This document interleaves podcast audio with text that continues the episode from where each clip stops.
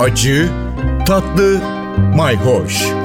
Yemek kültürü yazarı Aydın Öneytan'la bir tutam tarif, biraz da tarih. Merhabalar. Yılbaşı yaklaşırken sofraları donatmanın zamanı Evet, Noel hazırlıkları da sürüyor özellikle Avrupa kentlerinde. Eskiden Noel ağaçlarını yenilebilir süslerle süslemek çok revaçtaymış. Özellikle elma parlatmaktan bahsetmiştim. Elmalar gerçekten pırıl pırıl yılbaşı süsü gibi parlayabiliyor parlatınca. Şimdi bazı başka fikirler de vermek istiyorum. Yılbaşı sofranızı onlarla süsleyebilirsiniz. Hem de bazıları kalıcı bir hatıra olabilir. Bir tanesi portakallara karanfil saplamak. Benim bir dönem böyle bayağı da herhalde bunalımlı bir dönemimdi. Bu işe takmıştım.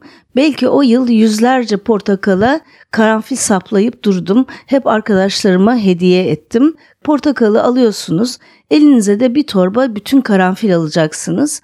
Sap veya dip tarafından başlayıp tam karşı tarafa doğru teker teker karanfilleri saplıyorsunuz bir sıra daha bir sıra daha derken ya da şekilli de yapabilirsiniz. Eğer bütün portakalı karanfillerle böyle top gibi e, sanki gürz gibi oluyor.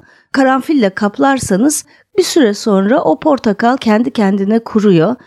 Ortamı müthiş bir portakal kabuğu ve karanfil kokusu sarıyor. Hem ev mis gibi kokuyor hem de sofrada mesela meyve tabağında çok güzel bir görüntü oluşturuyor. Dolayısıyla bu karanfil saplanmış portakal son derece güzel bir süs. Aynı zamanda hediye paketine de koyabilirsiniz. Bir süre sonra bu kuruduktan sonra portakallar isterseniz onu sürgülere çamaşırların arasına koyun. İsterseniz gardırobunuza asın.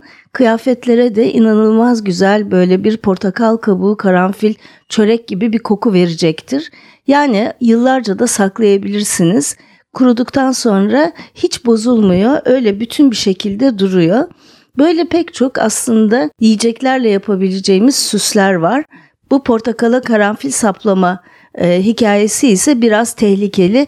Dediğim gibi ben sardırdığım zaman fena halde e, bu işe takmıştım ve e, günlerce ve günlerce sanki örgü örer gibi televizyon karşısında sürekli portakala karanfil saplayıp duruyordum birazcık da insanda saplantı haline gelebiliyor. Onun için baştan uyarayım. Bu arada size bir başka fikir daha vereyim gene sofrayı süslemek için. Kabuklu ceviz hatta kestane gibi yemişleri sprey boyayla altın rengine boyayabilirsiniz. Böyle altın cevizler, altın kestaneler meyve tabağınızı süsleyebilir, sofranızı süsleyebilir.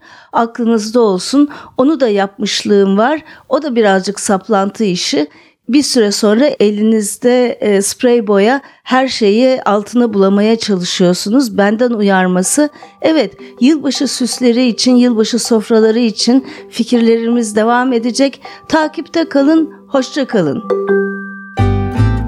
Bir tutam tarih, biraz da tarif. Aydın Öneytan'la Acı Tatlı Mayhoş Arşivi ntvradio.com.tr adresinde Spotify ve podcast platformlarında.